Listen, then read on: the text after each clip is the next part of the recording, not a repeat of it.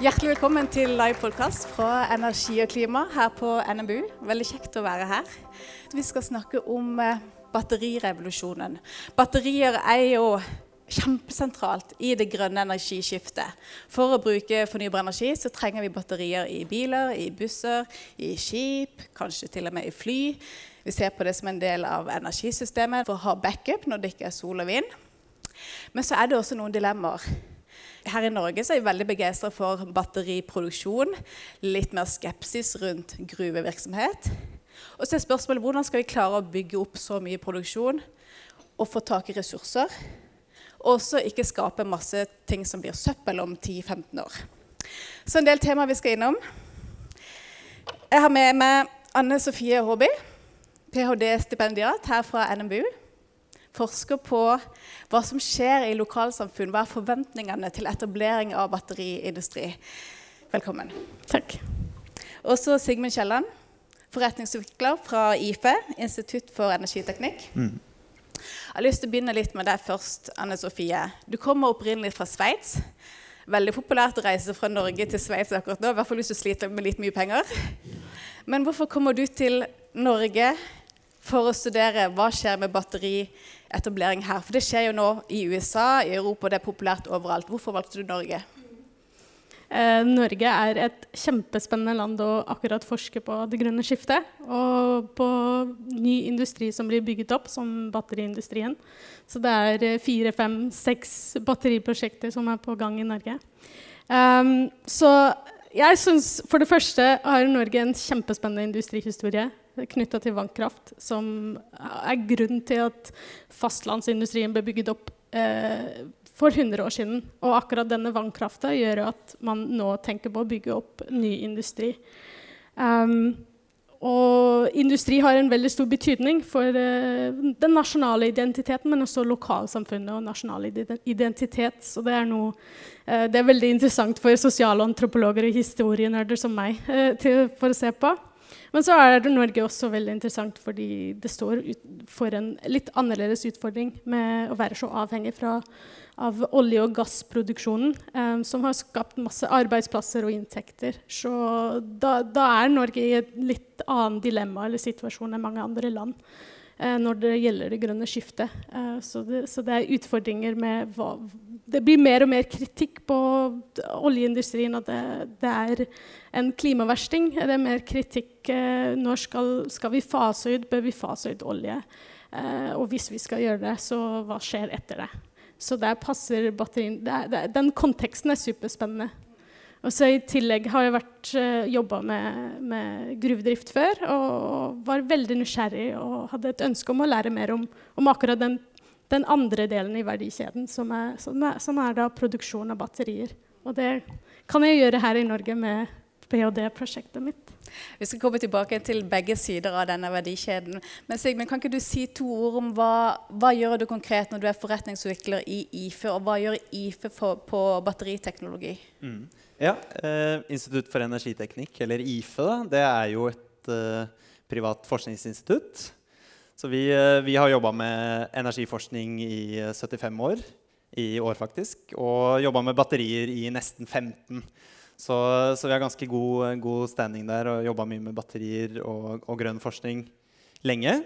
Og samtidig så er det, som Anna Sofie var inne på, også, så er det en fremvoksende industri der. Og da er det stort behov for å ha et bindeledd mellom forskerne våre og mellom industrien. Og det er konkret det jeg gjør. da. Så min bakgrunn fra, sivilingeniørstudiet på nanoteknologi i Trondheim har jo på en måte gitt meg den tekniske bakgrunnen. Og så har jeg da bakgrunn fra, fra analyse og konsulent eh, noen år også. Så på en måte å kombinere de to har jo, har jo da gjort meg i stand til å, til å kunne være en slags teknisk oversetter mellom industrien og forskerne våre. Da, for å sørge for at den forskningen vi gjør, faktisk betyr noe for industrien og bidrar til å da bygge nye løsninger, bygge norsk industri og drive verden framover. Mm. Men er du i lab, er du i Excel-ark og regner ut? Hvor, hva, slags type oppgaver er det du holder på med? Ja, det er jo, jeg er litt sånn litt potet. da. Jeg må jo hjelpe til der det trengs mest. Så det er litt av alt. Jeg prøver å holde meg unna laben og prøver å det, eh, overlate det til forskerne. Men innimellom eh, så, så, er det noen små oppgaver som jeg kan gjøre på lab for at eh, industrien skal, skal, fortere få resultatene sine, f.eks. Men stort sett så er det representere IFE på europeisk nivå, f.eks. Eh, samsnakke med andre forskere i andre land. Bidra til å skrive nye forskningsprosjekter med både europeiske, internasjonale og norske partnere. Og så er det selvfølgelig også å følge med på hva som skjer i markedet, gjøre beregninger i Excel, litt modellering og sånne ting. Så det er en stor variasjon med, med forskjellige oppgaver som, som, det går i. Bra. Kort introduksjon fra dere. Tusen takk. Vi går rett på første store tema, altså batterier som klimaløsning. Sigmund, da må du hjelpe oss å sette det litt i perspektiv. Hvor viktig rolle skal batterier spille når vi skal fra i hovedsak fase ut kull, olje og gass i stort, få mye mer vann, vind, sol inn i energisystemet? Hva betyr det for batteriens rolle? Batterier har jo muligheten til å spille rolle som et slags nav i energiovergangen. Energi, uh, altså i det grønne skiftet, egentlig. Og som vi ser, og spesielt i Norge, så ser man det veldig tydelig allerede med tanke på transport. Da. Mange ser jo elbiler kjøre rundt i gatene hele tida. Det er ca. 20% av Norges biler i dag. Altså den totale bilparken er jo elbiler. Så det er veldig tydelig. Og så eh, er det sikkert noen fra Vestlandet her også som kjører ferger. Og Norge har ja, du blant annet. Ja. Eh, Norge har også en tredel av verdens maritime, eller batterielektriske skip. Så vi har også en veldig stor, eh, stor rolle der allerede. Så på en måte det ta Norge på pulsen der da, med tanke på transport, det er også gjeldende for hva som kommer framover med tanke på, med tanke på elbiler og også maritim transport, spesielt på de kortere strekkene. Så det er på en måte transportbiten. Det vil jo bidra til å senke utslippene på transport. Men også når det gjelder da stasjonær lagring, så vil batterier kunne spille en veldig stor rolle. Så det er ingen tvil om at det vil være stort behov for energilagring som et sånn bredere konsept når man skal installere mer væravhengige energikilder som sol og vind. Og så er det selvfølgelig forskjellige typer løsninger man kan bruke på det. Og batterier har en veldig god rolle der. Så batterier kan brukes til veldig rask respons for å stabilisere nettet f.eks. Men kan også bidra til litt lengre svingninger. F.eks. øydrift på Svalbard er et eksempel, eller på Senja. To konkrete, to konkrete eksempler. I tillegg til alt imellom. Da. Eh, I huset ditt for eksempel, kan du også bruke batterier for å få bedre utnyttelse av solcellene du har på taket. også. Du nevnte ferjer, men vi har jo større skip. Vi har type bulkskip som går over hele verden. Store skip som skal over lange avstander. Og så er det fly. Hvordan ser dere på potensialet på disse både store skip og fly? Ja, Det er jo et veldig godt spørsmål. da. Altså, um, for det første så er det jo batterier har, uh, har uh, potensial for å utvikle høyere energitetthet enn de har i dag. Men allerede i dag så kan man måte, med det tekniske potensialet som er i batteriene, lage f.eks. kortbanefly. Da. De vil ikke um, altså Det trengs fortsatt mange løsninger på toppen av det for at det faktisk skal fungere. Men det tekniske potensialet i battericellene er på en måte godt nok til at man kunne flydd en del av kortbanenettet på batterier. da. Teknologimessig også er det selvfølgelig mange andre Eh, mange andre løsninger som faktisk må implementeres for at det skal skje. Men når det gjelder de litt lengre avstandene, så vil det nok være behov for andre typer løsninger. da. Eh, F.eks. hydrogen eh, kan være en mulighet for, for de lengre og litt tyngre transportetappene. Men det er likevel mye hvis vi bare ser for oss hele verdens bilpark. Du sier I Norge så er 20% av personbilparkene elektrisk i dag. Ser vi på hele Norges bilpark, altså tar med busser og varebiler, og alt det der, så er vi på 15 Hvis vi tenker at dette skal skaleres opp, og helst det meste av transporten i verden skal gå på batteri, der det er det mest fornuftige alternativet til bensin og diesel. Mm. Si litt om analysene. Hvor mye, må, hvor mye er produksjonen av batterier i dag, og hva er behovet for vekst da, mot 2030? Eh, mm. Så bare For å starte litt på å sette det, sette det i perspektiv først. Da. så Nå har vi jo hatt en aktiv elbilpolitikk i Norge i noen år allerede. Og vi har, som, som nevnt så er det ca. 20% av elbilen i Norge er, eller 20% av bilparken i Norge er elektrisk. Men samtidig så har vi like mange elbiler på veiene som Tyskland, der det er 1% av bilparken. Så Norge er jo på en måte et lite marked. Da. Det vil være stort behov i, i hele verden for å, for å ja, det vil være veldig stort, eh, stort, trykk på verdikjedene for å skalere opp det til, til, hele verden. Så hvis man ser for seg på en måte, tar et måltall på 2030 f.eks., så vil det jo for, for, å gå litt inn i analysene, da, så kan jeg jo først komme med en liten sånn disclaimer. og det er at Analysene er jo ikke enige. Alle analysehus og forskere som kommer med analyser, de jo, eh, legger seg på sitt eget lille nivå på akkurat hva de mener kommer til å komme.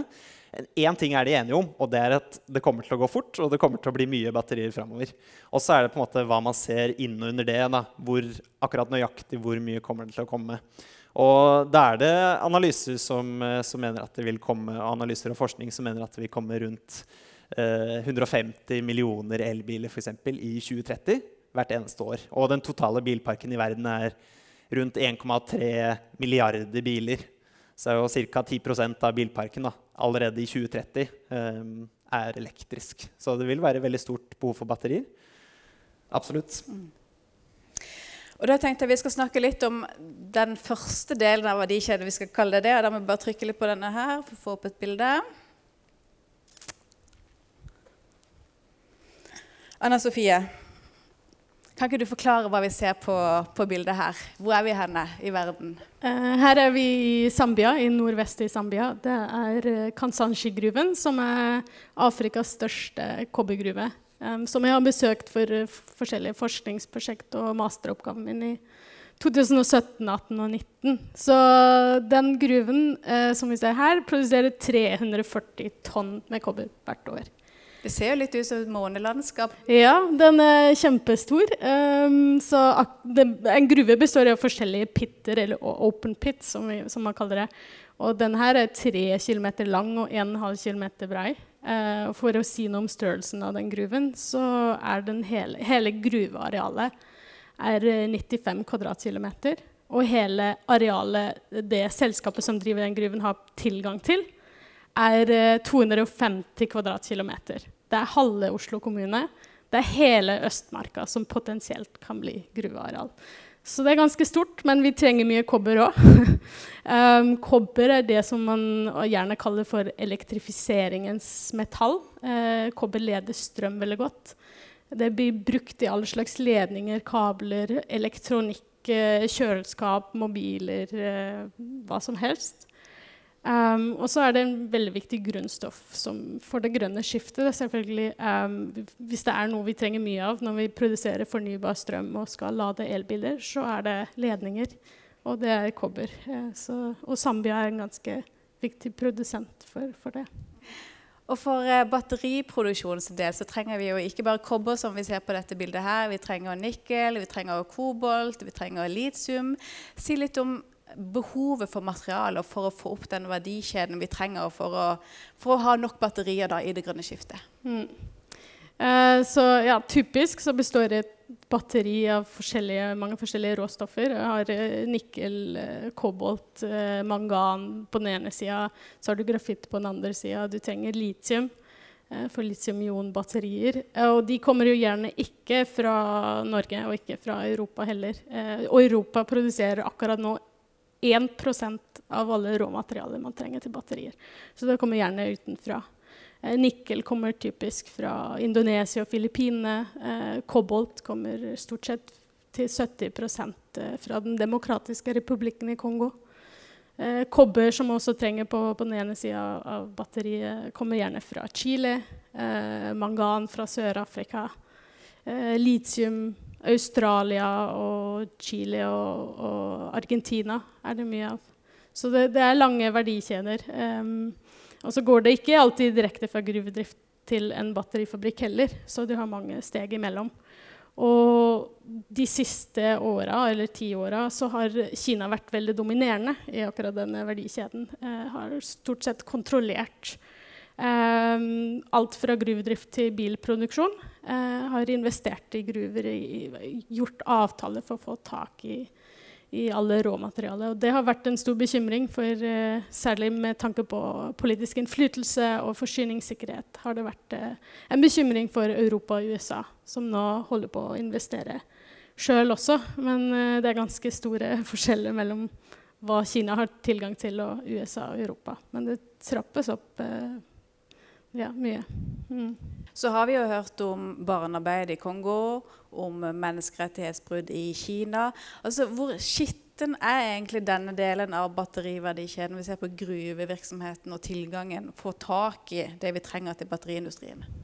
Eh, barnearbeid har absolutt vært et, et stort tema. Eh, også kanskje det man trekker fram mest når det gjelder batteriverdikjeder. Det har vært et problem for kobolt i, i Kongo, uh, men det er også noe som, som jobbes veldig mye med. Som har, uh, har, blitt mer regulert. Mange prosjekter og mer fokus i verdikjedene på, på, akkurat barnearbeid.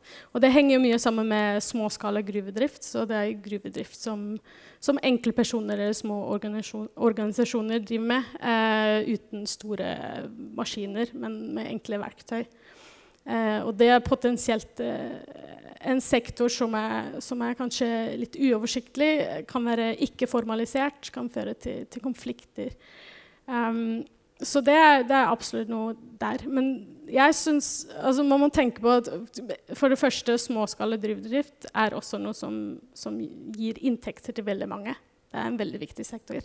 Men samtidig så utgjør den for kobbel er det 10-20% av all kobbelproduksjon er småskala. Hva sier hva du definerer som småskala? Ja, det, da, er det, da, er det, enkeltpersoner eh, eller små organisasjoner som, som, utvinner mineraler i små gruver fra hånd eller med, med enkle verktøy. Og så Sammenlignet med det som man kaller for storskala, det er kommersielle, store gruver som vi så på det bildet. Det utgjør jo mye, en mye større del av, eh, verdi, eh, av produksjon av mineraler i verden. Um, og der er det en del utfordringer som kanskje ikke lager så mange store overskrifter, men allikevel syns jeg er store utfordringer. Um, og det, jeg kan nevne sikkert mange, men jeg vil nevne tre som jeg syns er viktig. Um, og det ene er åpenhet i verdikjedene. Uh, pengestrømmene, som rett og slett ikke er tilgjengelig. Det er ikke informasjon rundt. Uh, og, tillegg til uh, korrupsjon. Um, det har vært et stort uh, tema de siste åra. Særlig også rundt kobolt- og kobbergruvedrift i, i, Den demokratiske republikken Kongo, hvor vi har sett at utenlandske selskap fikk tak i gruver til veldig lave priser med hjelp av bestikkelser. Og det har vært en rekke rettssaker. Um, vi har hatt uh, bevis på skatteomgåelser, eksempler etter eksempler. Um, der er Zambia f.eks. Uh, har det blitt rapportert av en organisasjon som heter Oxfam, som har sett på skatteinntektene fra gruvedriften til staten. Uh, og så har de dokumentert at opptil 100 millioner har staten tapt hvert år i skatteinntekter, bare fra én gruve. Så det er mye sånn Vi er kanskje litt vant med åpenhet i Norge, men bare tenk på Sveits. Mange av de handelsselskap og store gruveselskaper er i Sveits, som ikke følger eh, EU-regelverk. Eller er i England. Samme. Det er ikke åpenhetslov i Sveits, dessverre. Um, så det er en del sånne, sånne, vanskelige temaer rundt skatt og det finansielle som, eh, som da in, undergraver muligheten for stater å faktisk levere tjenester til, sine, til sin befolkning. Til å betale for helse og, og skole osv. Som gjør det da mye vanskeligere å leve i disse landene. Eh, og kanskje tvinger familier til også gå inn og, og, jobbe med gruvedrift. Til og med at barn faktisk trenger å jobbe med gruvedrift fordi rett og slett man ikke tjener nok i en stat. Um, det er den ene biten. Og så tenker jeg avhengighet er stort eller en utfordring for disse landene som produserer ganske mange råvarer, som blir da veldig avhengig av råvareeksporten. Zambia f.eks. Eh, produserer 80% av alt de eksporterer, er kobber. Så da er du helt utsatt. Um, når kobberprisen går opp og ned, det kan gå bra eller det kan gå veldig dårlig. Så har vi sett der at uh, f.eks. når kobberprisene gikk ned, så ble alt dyrere. Noen folk mista jobbene sine fordi gruvene bestemte seg for å uh, stenge dørene i en stund fordi prisene var lave. Så man kan spare litt og vente til det går opp igjen. Um, og det tredje, som jeg tror er kjempeviktig, gruvedrift tar veldig mye land. Uh, det ser vi på det bildet. Det bruker utrolig mye plass, det bruker utrolig mye natur. Um, og det er alltid en nedbygging av natur. Det blir alltid tap av natur når du starter en gruve. Du kan gjøre det på bedre måter eller på dårlige måter, men uh, det blir alltid uh, Land er brukt. Både for selve gruven, men i tillegg all infrastruktur, vann, veier, transport. Og så må man tenke at i dag vil vi jo ha metaller som er produsert på lav karbonfotavtrykk. Det er jo kjempebra. Men det betyr også at du i tillegg må bygge solkraftverk eller vindkraftverk ved siden av. Som det er dobbelt så mye land. Um, så det er en veldig stor fare for flere, konflikter rundt land. Uh, mellom landbruk og gruvedrift, skogsbruk. Hvem, hvem taper uh, ressursene som de har tilgang til? Så jeg tenker det er tre store utfordringer i, i verdikjedene. Mm. Når vi ser dette bildet av et så stort område som, er, som brukes til kobberutvinning, eh, og når Sigmund snakker om dette behovet for vekst, for å produsere mye mer batterier, hvor mye mer gruvevirksomhet trenger vi globalt da? Mm. Um, altså når, det spørs litt hva man vil oppnå. Eh, hvis det, det, anslås at man trenger 300-400 gruver nå de kommende åra bare for batteriproduksjonen. Men eh, hvis man tenker om vi, vi, vil oppnå å erstatte hver eneste bil i verden med en elbil, som er 1,4 milliarder biler i verden, eh, så blir det litt vanskelig. For da betyr det at vi må øke kobberproduksjonen. Um, og trenger bare 28 millioner tonn med kobber bare for batterier. Uten ladeinfrastruktur eller kabler eller noen ting. Eller som er akkurat denne årlige produksjonen av kobber i verden. Eller man hadde trengt 11 millioner tonn med litium, som er 100 ganger så mye som vi produserer nå hvert år. Så det er ekstremt mye mer. Um, så jeg tenker det, det, spørs litt hva slags scenario vi, vi bruker, eller hva, hva, vi vil oppnå. Vil vi virkelig erstatte hver eneste bil med en elbil akkurat nå? Eh, det spørs hvor mye tid eh, vi har. Um, det spørs hvor lenge vi er villige til å vente. Og så er det jo ikke alltid en, et geologisk spørsmål heller om, uh, uh, om vi har nok uh, råvarer, om vi kan utvinne alle råvarer. Det er jo veldig mye også et sosialt spørsmål, et politisk spørsmål. Det er veldig mye også et Eh, økologisk, men også ikke minst øko økonomisk spørsmål. Er det lønnsomt å grave ut alle råvarer? Trenger vi de? Hvem er det som betaler for det? Men dette med tilgangen, eh, for det er jo spørsmål som kommer opp ganske ofte. Sant? Har vi nok materialer i verden til å få til det grønne skiftet? Hva tenker dere om det? Jeg kan jo si, uh, følge, følge opp Eh, for det første da, og si at det, vel, det, tekniske potensialet er vel der for å få, i hvert fall med tanke på batterier. Så, så det finnes nok, nok, materiale til å skulle gjøre det. Men det er veldig viktig å øke graden av resirkulering. Så på en måte også, som du var inne på, Anne Sofie, med, med også redusere på en måte behovet. Så det er jo, Man må tenke, man ikke, man ikke tenke man, man kan ikke tenke enkelt om vanskelige problemer. Det er veldig viktig å tenke at man kan redusere der man, man, kan. Må alle ha sin egen bil eller to? Kan man finne bedre forretningsmodeller, bedre måter å dele på ressursene på? Det er jo det ene. Og det andre er selvfølgelig det med resirkulering. Da. Så i en oppskaleringsfase, når det blir behov for å gå over fra en fossilbasert økonomi til en fornybar økonomi, bl.a. med batterier, så vil man trenge mer materialer. Men så fort man har oppskalert, da, la oss si at uh, et fremtidsscenario har vi 100% elbiler i uh, bilparken. Da vil det jo være et veldig stort behov for å kunne resirkulere og holde alle materialene inne i denne verdikjeden. Slik at man slipper å bruke og utvinne nye materialer for å fylle et eksisterende behov når man egentlig har alle materialene i systemet. Så det vil være veldig stort behov for å øke resirkuleringsgraden. Noe som også må følges opp da gjennom uh, bl.a. reguleringer og forretningsmodeller for å få det økonomisk lønnsomt, som du også var inne på. Jeg har lyst til å gå fra dette bildet fra gruva til det som vi ofte syns er litt mer kjekt å snakke om i Norge. Da. Det, det som skaper sånn entusiasme, det er jo disse etableringene av nye grønne arbeidsplasser i Norge. Batterifabrikker her og der. Det, det er noe vi ønsker. sant? Og du forsker jo på det. Hva betyr det for et lokalsamfunn sånn som dette? Det er fra Arendal, Arendal, ikke det? Ja, jeg var i Arendal nå forrige uke, og så besøkte jeg Morrows eh, tomt, som nå har blitt til noe mer synlig. Um, ja, jeg har uh, vært på feltarbeid i særlig Arendal, uh, også litt i Mo i Rana.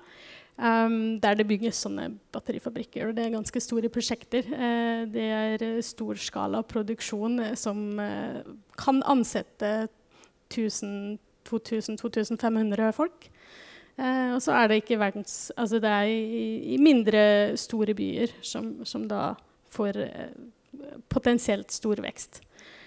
Um, så det var ganske interessant å følge med. Jeg fulgte med, med de prosjektene da de eh, ikke var så synlige ennå. Så, så, der var det stort sett eh, industriområder og, og skog. Eh, og batterifabrikkene var på powerpoints, eh, stort sett. Så det var veldig gøy å følge med. Og en ting som, som jeg syns kanskje var mest interessant i denne forskninga, å å bare være med, følge med, bo der er å skjønne at når jeg tenker først og fremst batterier, så var det alltid at jeg tenkte ja, det handler om teknologi. Det handler om eh, det grønne skiftet. Det handler om karbonfotavtrykk og elektrifisering. Men når man er disse stedene, så betyr det mye, mye mer. Og det betyr noe annet. Så det var en person i en kommune som jeg intervjuet en gang, som sa til meg uh, når, når jeg spurte hva det handler om så sa han nei, det, det, handler ikke om penger. Batterifabrikker handler ikke om penger. For han så handla det om meninga. Å gi mening til livet, gi mening til, til, til livene. Å bo og være på et, et sted som Mo i Rana og Arendal. Og kunne fortsette å leve der. Eh, for, for, mange betydde industri og ny industri eh, muligheten til å videreføre de livene man har der, og videreføre velferden og kanskje til og med øke levekårene. Eh, det handler om, om, om, utvikling og vekst. Og det slo meg kanskje mest hvor mye batteriproduksjon handla om en god framtid for samfunnet.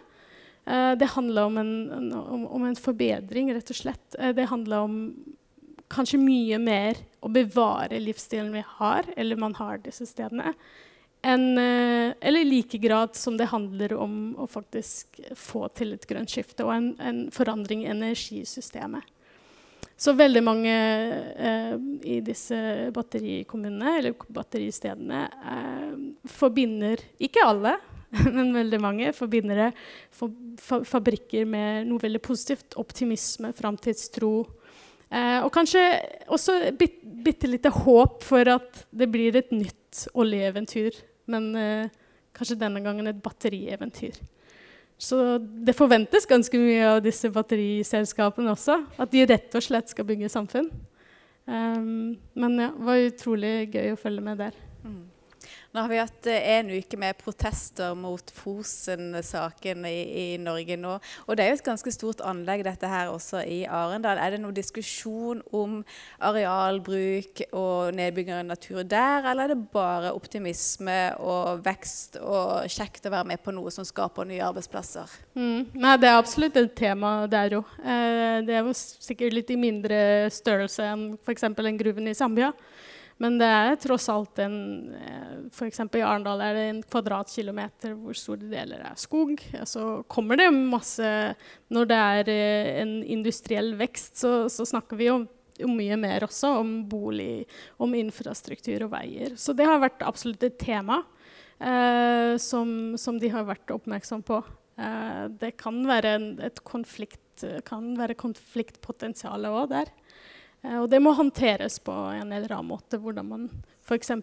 da velger å ikke bygge ned skog et annet sted, men da eh, prøver å passe på Eller prøver å få til det i Arendal. Eller i, samme i Mo i Rana, hvor det er kanskje litt mer snakk om vindkraft også. Mm.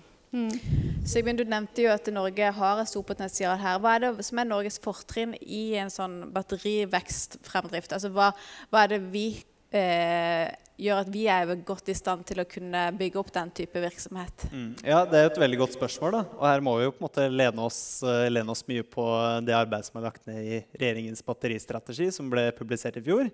Og en av de tingene som virkelig trekkes fram i den strategien, og som også ble trukket fram av Bloomberg annet, i fjor, som, som da så på ulike land som går inn i batteriverdikjeden og rangerte disse på ulike parametere, så scorer Norge høyest av alle land i verden på den rangeringen på bærekraft. Og det er bærekraft da definert som ESG. Og både på en måte som vi har snakka om nå, med tanke på, på, tanke på arealbruk og klimagassutslipp, det er én ting. Men også det sosiale og hvordan vi styrer. Det er veldig, veldig, et veldig stort fortrinn vi har i Norge til å kunne bygge en fornybar eh, og bærekraftig batteribransje. Så vi har, vi har jo selvfølgelig noen naturgitte fortrinn som vi på en måte har forvalta veldig godt. F.eks. at vi har god tilgang på grønn energi og har hatt det tidligere. Og så er det selvfølgelig, som vi har vært inne på, hvordan man skal eh, gjøre det framover, er jo også et, eh, et annet spørsmål. Men men vil, eh, der har vi en veldig stor ledelse enn så lenge, i og med at kraftsystemet vårt er basert på fornybar kraft per nå. Så det er et veldig godt sted å starte. I tillegg så har vi, eh, vi har eh, også gode muligheter for å, å benytte oss av den høyt utdanna arbeidskraften vi har. Vi har en tradisjon i Norge for å bygge industri på bl.a. også mm, prosessindustrien på Sørlandet er et veldig godt eksempel som vi også kan benytte inn i batteriverdikjeden. Så det å, å tenke smart og trekke noen paralleller til hvordan vi utvikla oljeindustrien i sin tid, er veldig lurt. Og vi har gode muligheter for å utvikle dette videre gjennom automasjon, Industri 4.0 og integrering for å lage bedre prosesser. Så den høye kvaliteten vi har i Norge, det norske samfunnet og fokus på bærekraft er definitive fortrinn vi har. I tillegg så har vi også sterke kunnskapsmiljøer, sånn som bl.a. IFE. I Trondheim er det veldig sterke på batteriforskning. Vi har forska på dette noen år eh, allerede. over, over ti år. Så vi har allerede bygga opp oss eh, god kompetanse på både dagens batterimaterialer, og neste generasjons batterimaterialer, i tillegg til systemene rundt. Og så bygger vi også videre opp rundt produksjon.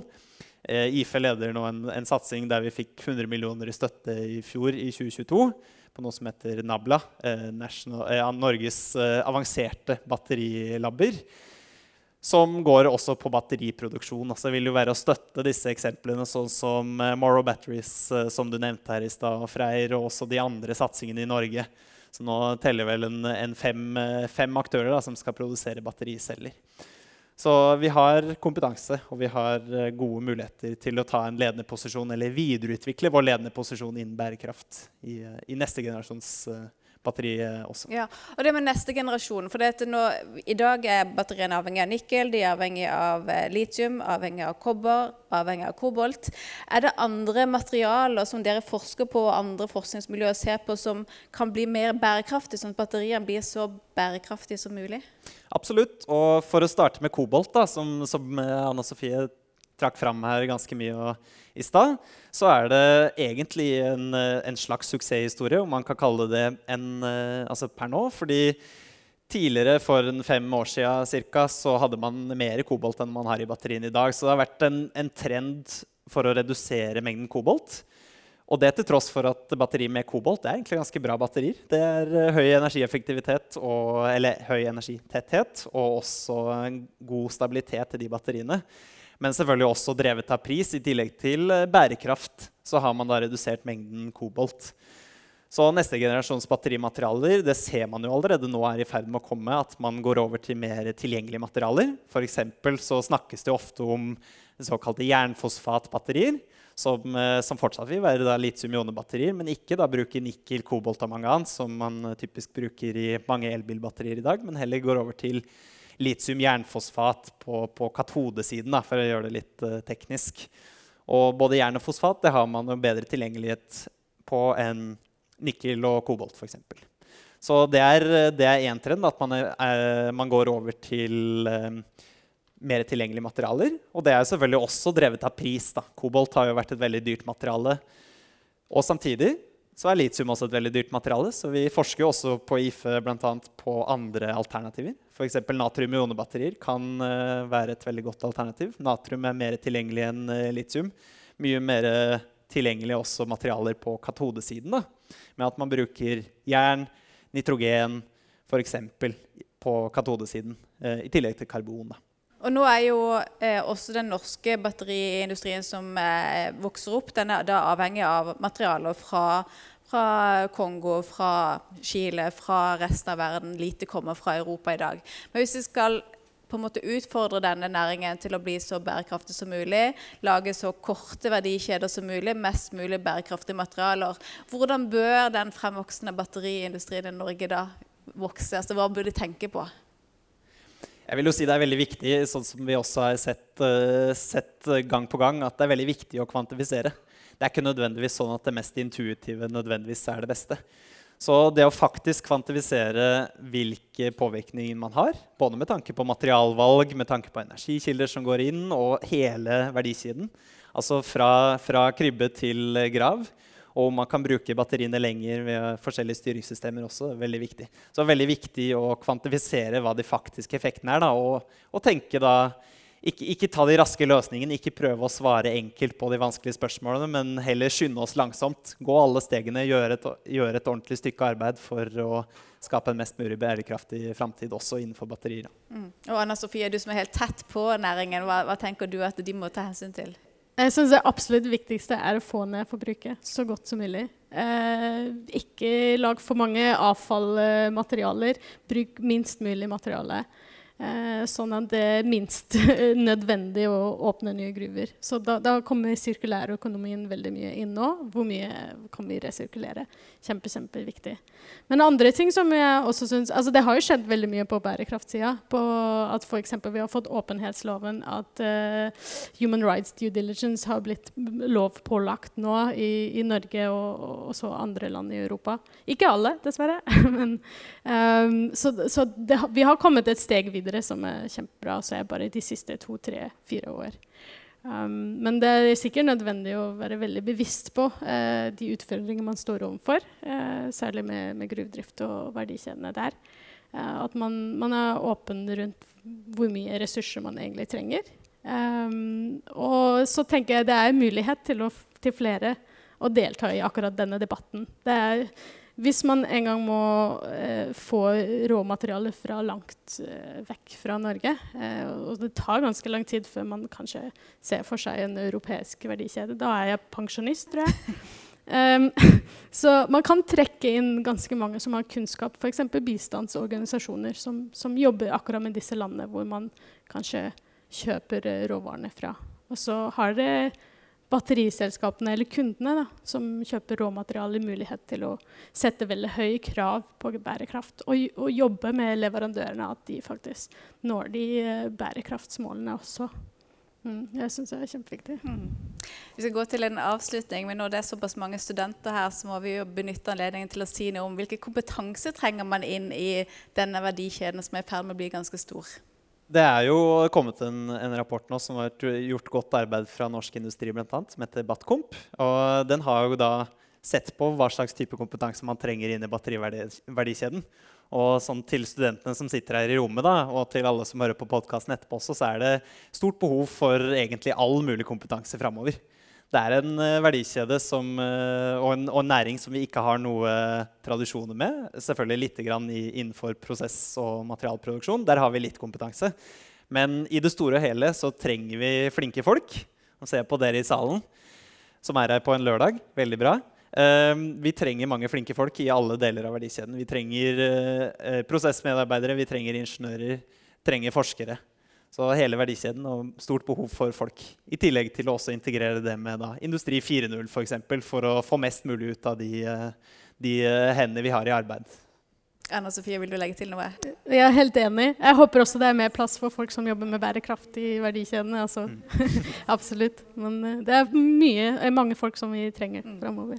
Så helt til slutt, Er det riktig å snakke med sånn entusiasme om eh, batterirevolusjonen? Er det en grønn eh, næring som vi skal være stolt av og tenke yes, dette skal, vi, dette skal bli stort?